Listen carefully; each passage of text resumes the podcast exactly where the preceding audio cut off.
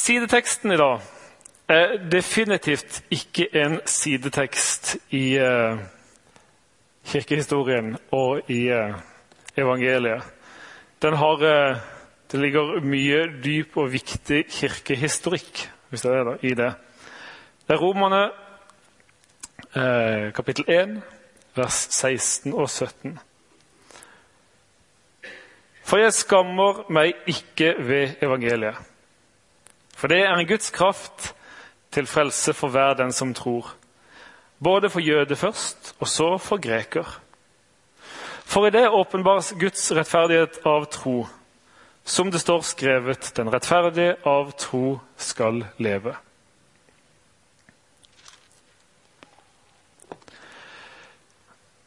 Jeg skal si litt om gjemsel i dag. For, for noen så er gjemsel en lek. Å gjemme seg bak sofaen, å eh, gjemme seg ute bak en busk. Eh, og leke de litt mer avanserte utgavene som eh, Bom 50 eller Spark på boks, eller hva en kaller det her i Bergen. Etter så mange år så har jeg ikke lært hva som er sånn konseptet her. Men gjemsel det er en sånn uslåelig lek, og for mange så er gjemsel en lek. Men kanskje for enda flere så er gjemsel ramme alvor. Eh, der livet handler om å skaffe seg skjulesteder der de ikke ble funnet. Og vi skal ta en tur nå, vekk ifra teksten i Romerbrevet, kapittel 1. Frykt ikke, vi kommer tilbake til den til slutten. Uh, vi skal ta en tur helt tilbake igjen til første Mosebok. Det er en tid der man begynte med voksengjemsel. For det begynte jo så bra. Menneskene, Adam og Eva, hadde, vel, hadde levd i det skinnende lyset, hadde levd i det fullkomne godheten, fellesskap med Gud, i renhet, i den perfekte lykke. Det står et vers i 1. Johannes, nei, 1. Mosebok, kapittel 2, 25. De var nakne, både Adam og hans hustru, men de skammet seg ikke. Det var en åpenhet, en renhet, ingen skam. Men så skjedde det noe, og jorda ble mørk. Eh, synden drepte denne perfekte lykken. Giften som trengte inn og ødela den fullkomne godheten. Og Adam og Eva oppdaga at de var nakne. Og hva gjorde de? De prøvde å gjemme seg. De måtte kle seg, de prøvde så godt de kunne mellom fikenblad, gjemte seg bak noen busker, men Gud så det. Adam, hvor er du?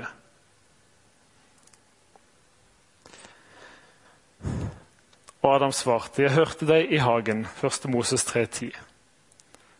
Jeg hørte deg i hagen, og da ble jeg redd fordi jeg var naken, og jeg gjemte meg.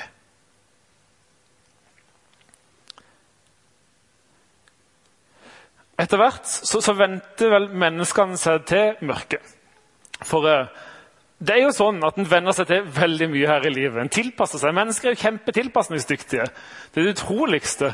Jeg har bodd her i ti år snart. Det er utrolig hva sørlendinger kan tilpasse seg til. Det, uh, men vi klarer det, og mennesker klarer også å tilpasse seg mørket. Fysisk og psykisk og åndelig. Men tenk deg det om natta, når det er mørkt og du har vent deg til det, da er det ubehagelig å slå på lyset. Den er vondt. Den er et eller annet. Nei, du vil, ikke, du vil ha det mørkt. for det er sånn du vil ha det. Vi vil sove. Det ubehagelige blir vekt. Det er ubehagelig å slå på lyset når du har vent deg til mørket.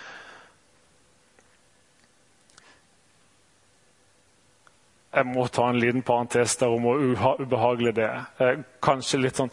Men, men min far kom en gang inn til meg på morgenen og slo på lyset og begynte å dure løs på trekkspillet sitt. da skulle du sett en som spratt oppover siden og ropte 'ut'!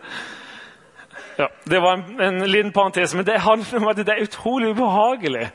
For du har vent deg til en tilstand som du vil være i. Du sover, det er mørkt. Og så har menneskeheten vent seg til mørket. Vi har vent oss til å kle på oss Ikke bare fysisk, men psykisk og åndelig. Fordi vi kjenner skammen. Det er trygt å være i mørket. For vi vet at dersom vi står nakne, dersom vi går ut i lyset For Gud og for mennesker så vil ubehagelige sannheter avsløres. Ubehagelige områder av livet som du helst vil holde for deg sjøl. Så vender vi, til oss, venner vi oss til å like mørket. Så venner vi oss til å like alle slags påkledninger. Ja, Av og til så klarer vi til og med å kalle mørket for lyset. Gjemmestedet kalles bl.a. image, bilde. I møte med mennesker der det er viktigere hvem andre tror at du er, enn hvem du egentlig er. Og image i møte med Gud. Det er utrolig hvor kreative vi kan være. Det er utrolig mye religiøst tøy vi kan ta på oss for å, for å imponere Gud, eller hva vi enn skal gjøre. Masse klær av skikker, gode gjerninger, meninger, aktiviteter. Det gjelder bare å unngå å komme til det punktet der du må stå naken for Gud og andre. Så utfordrer Jesus oss rett inn i livet, helt til det innerste, i Johannes 8, 32. Og dere skal kjenne sannheten, og sannheten skal frigjøre dere. Image er ikke sannhet. Et liv i skjul for mennesker og for Gud. Et falskt, egenprodusert bilde av hvem du ønsker å være. Og så hindrer det.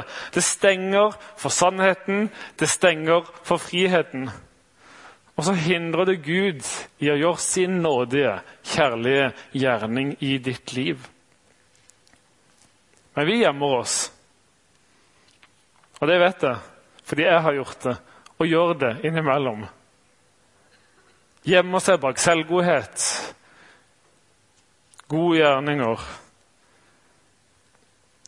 Ved å skjule alt det ikke folk må se, bak tøffe masker, selvsikre kostymer og vellykka klær.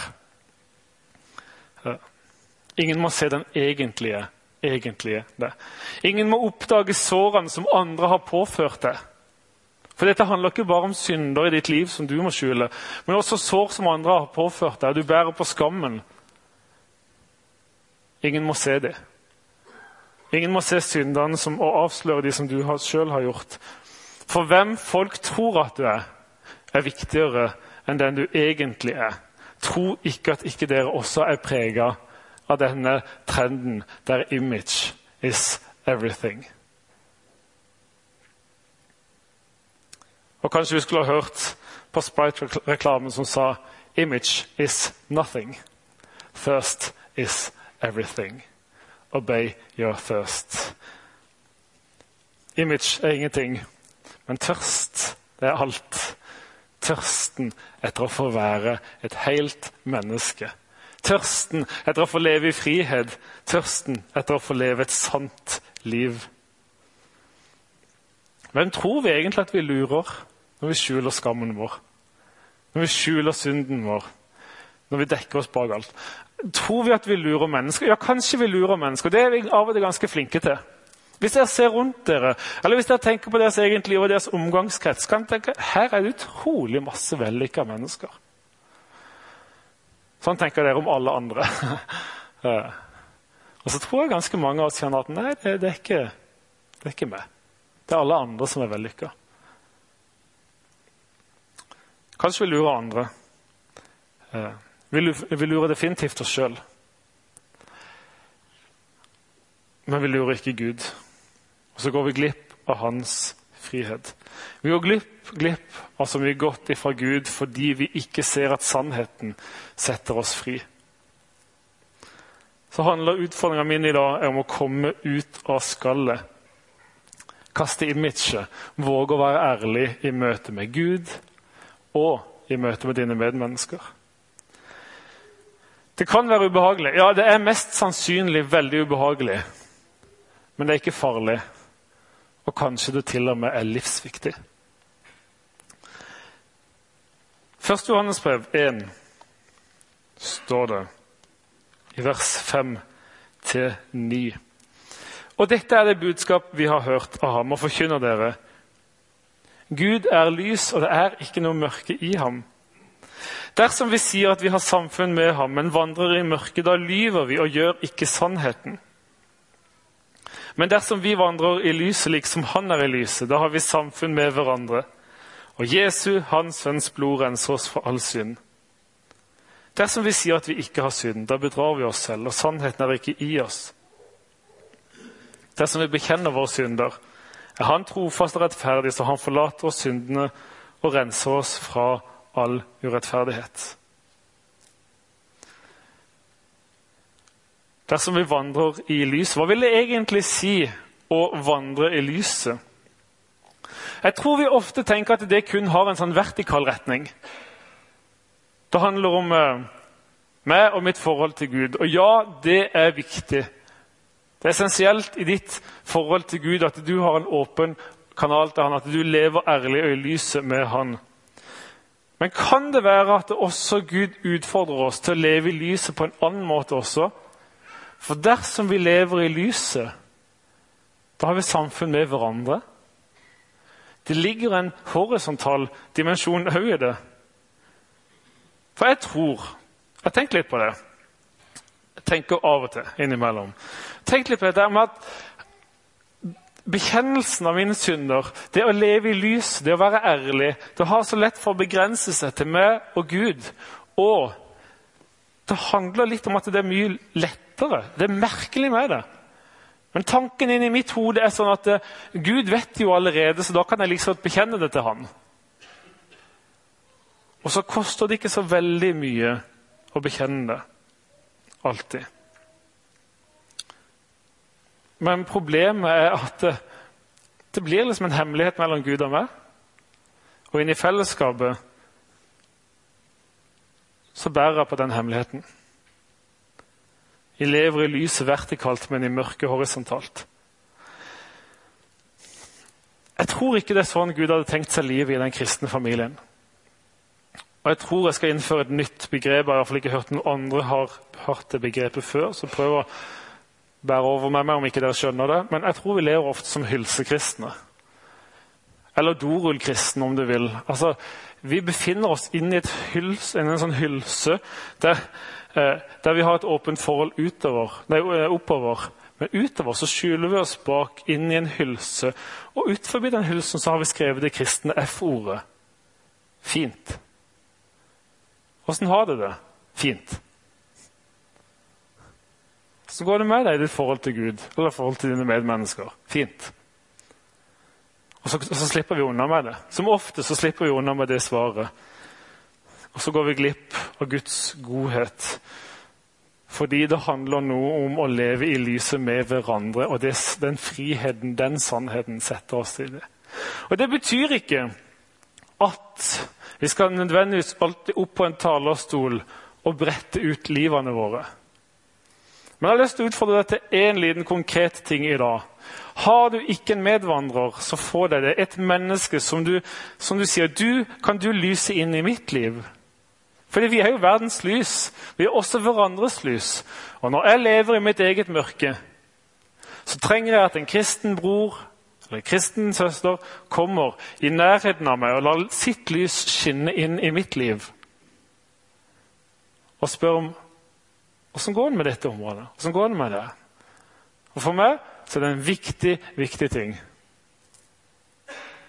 Å ha medvandring sammen med Torstein og oppleve at dette er en styrke for meg, kjempestyrke for meg. Og oppleve at her er det en som lyser inn i livet mitt. Stiller meg de ubehagelige spørsmålene. Og Det handler ikke bare om de timene, den timen vi treffes. Men ellers i livet så vet jeg at jeg har en person som kommer til å spørre meg neste gang jeg treffes. Hvordan går det med dette? Hvordan går det med det området? Jeg tror jeg trenger å leve i lyset også den veien. I Johannes 3 så møter vi Nikodemus i samtale med Jesus. Eh, og samtalen avsluttes med følgende ord i vers 19 til 21. Og dette er dommen. At lyset er kommet til verden, og menneskene elsket mørket framfor lyset for deres gjerninger var onde. For hver den som gjør det onde, hater lys og kommer ikke til lys for at hans gjerninger ikke skal bli refset. Men den som gjør sannheten, kommer til lyset for at hans, for at hans gjerninger kan bli åpenbaret, for de er gjort i Gud. Når var det Nikodemus oppsøkte Jesus? Jo, det var jo om natta. Og så er det som at Jesus mellom linjene i disse versene sier til Nikodemus at eh, ingen gode mennesker er oppe om natta. I begrepet gode om at de, de lever i lyset. Mennesker som ikke har noe å skjule, de lever og virker om dagen. Nattemennesker er folk som har noe å skjule. Det er verdens lys, Jesus. Så kommer du til meg? så må du forvente å bli et dagmenneske. Et menneske som lever i lyset. Et menneske som går, vandrer, lever, faller, blir reist opp igjen i lyset. Vi møter Nikodemus igjen i kapittel 19. Jesus er død, og Josef, far i Mathea, har fått lov til å ta Jesus ned fra korset for å gravlegge ham. Og I Johannes 1939 står det også Nikodemus var der. Han som kom til Jesus om natten. Han hadde med seg en blanding av myrra og aloe, omkring 100 pund. Så kan det se ut som det har skjedd en dreining i Nikodemus sitt liv. Fra i skjul å komme til Jesus om natta, til å nå offentlig våge å stå fram og si at dette er en person som jeg ønsker å leve med. Å komme ut i lyset. Jeg tror flere av oss trenger en vandring fra Johannes 3 og over til Johannes 19. En vandring fra natt til dag. En vandring fra det å skjule ting til å gå ut i lyset. Så må vi tilbake igjen til Adam og Eva. For vi møter et glimt av håp midt i skammen. Rett etter de var falt i synd så møter vi et lysglimt i mørket. Første Mosebok 3, 21. Og Gud gjorde klær, Gud Herren gjorde klær av skinn til Adam og hans hustru og kledde dem. Imaget til Adam og Eva var jo ikke godt nok. Klærne, fikenbladene, de nytter ikke i møte med Gud og Guds lys. Hva er det Gud gjør? For han vet at vi kan ikke forbli nakne. Jo, han kler mennesket i skinn. Og hvordan skulle han skaffe skinn? Jo, et liv måtte gå tapt. Blod måtte utgytes. Og så er det kanskje et av de første glimtene, lysglimtene som peker fram mot vår redning, mot vårt håp, midt i mørket. Et liv som går tapt. Blod som utgytes for at vi kan komme ut i lyset, stå nakne, uten frykt for å dø. Fordi vi ble ikledd Jesus. Så er Gammeltestamentet full av sånne lysglimt inn i mørket. For hele, hele Gammeltestamentet er jo vi, vi, møter jo syndefallet i all sin grusomhet. Mørket i all sin ondskap. I menneskers svik. Det er ikke pynta på i det hele tatt. Men med forskjellige mellomrom så dukker det opp disse lysglimtene. Om påskelammet som ble slakta, blodet som måtte strykes, og folket gikk fri. Om syndebukken som de skulle legge sine hender på og bekjenne synderne, skulle sendes ut i ørkenen. Flere lysglimt som forteller oss du skal ikke få leve i mørket evig. Kom ut i lyset uten frykt for å dø. Mørket er ikke det siste. Image nytter ikke. Og Da er vi tilbake igjen til Romerne 1. Om Paulus, som hadde gått denne veien. Ifra sjøl å forfølge de kristne. Hva drivkraften var, det vet vi ikke. Men han møtte i hvert fall lyset. Et lys som var så blendende at han ble slått til jorda. Han ble blind, men etter å ha fått syn igjen, så ble livet hans totalt forandra. Og så utbryter han i dagens sentrale sidetekst. For jeg skammer meg ikke ved evangeliet. ingen skam. Jeg kan kaste alle mine religiøse klær. Jeg kan kaste mitt image, som jeg skjuler meg bak. Jeg kan kaste alt som jeg prøver å dekke meg til, sånn at ingen andre skal se all den skammen jeg bærer på. Jeg kan komme ut på grunn av Jesus. Så skammer meg jeg meg ikke. Så lever vi en sånn fantastisk så er det en sånn nydelig, nydelig sirkel mellom første Mosebok 2,25 om de var nakne Adam og Eva. De skammet seg ikke. Er Paulus som utbryter. For jeg skammer meg ikke ved evangeliet. Det er en frihet å leve i den sannheten. Så kaller Gud oss ut i mørket. Nei, ut i lyset. Ut fra mørket. Jeg vet ikke om dere har fått med dere hvordan troll hvordan går med troll når de kommer ut i lyset. De sprekker. Tåler ikke lyset. Eller hva er det som skjer med monstre under senga når det slår på lyset? De forsvinner. Nå aner ikke jeg om du går og bærer på et troll eller et monster. Eller andre ting som du så gjerne skulle ønske ikke var der. Men jeg tror Gud kaller flere av oss ut i lyset for å sette oss fri, for å la oss få være de som bærer ut, lever livet uten skam. Amen.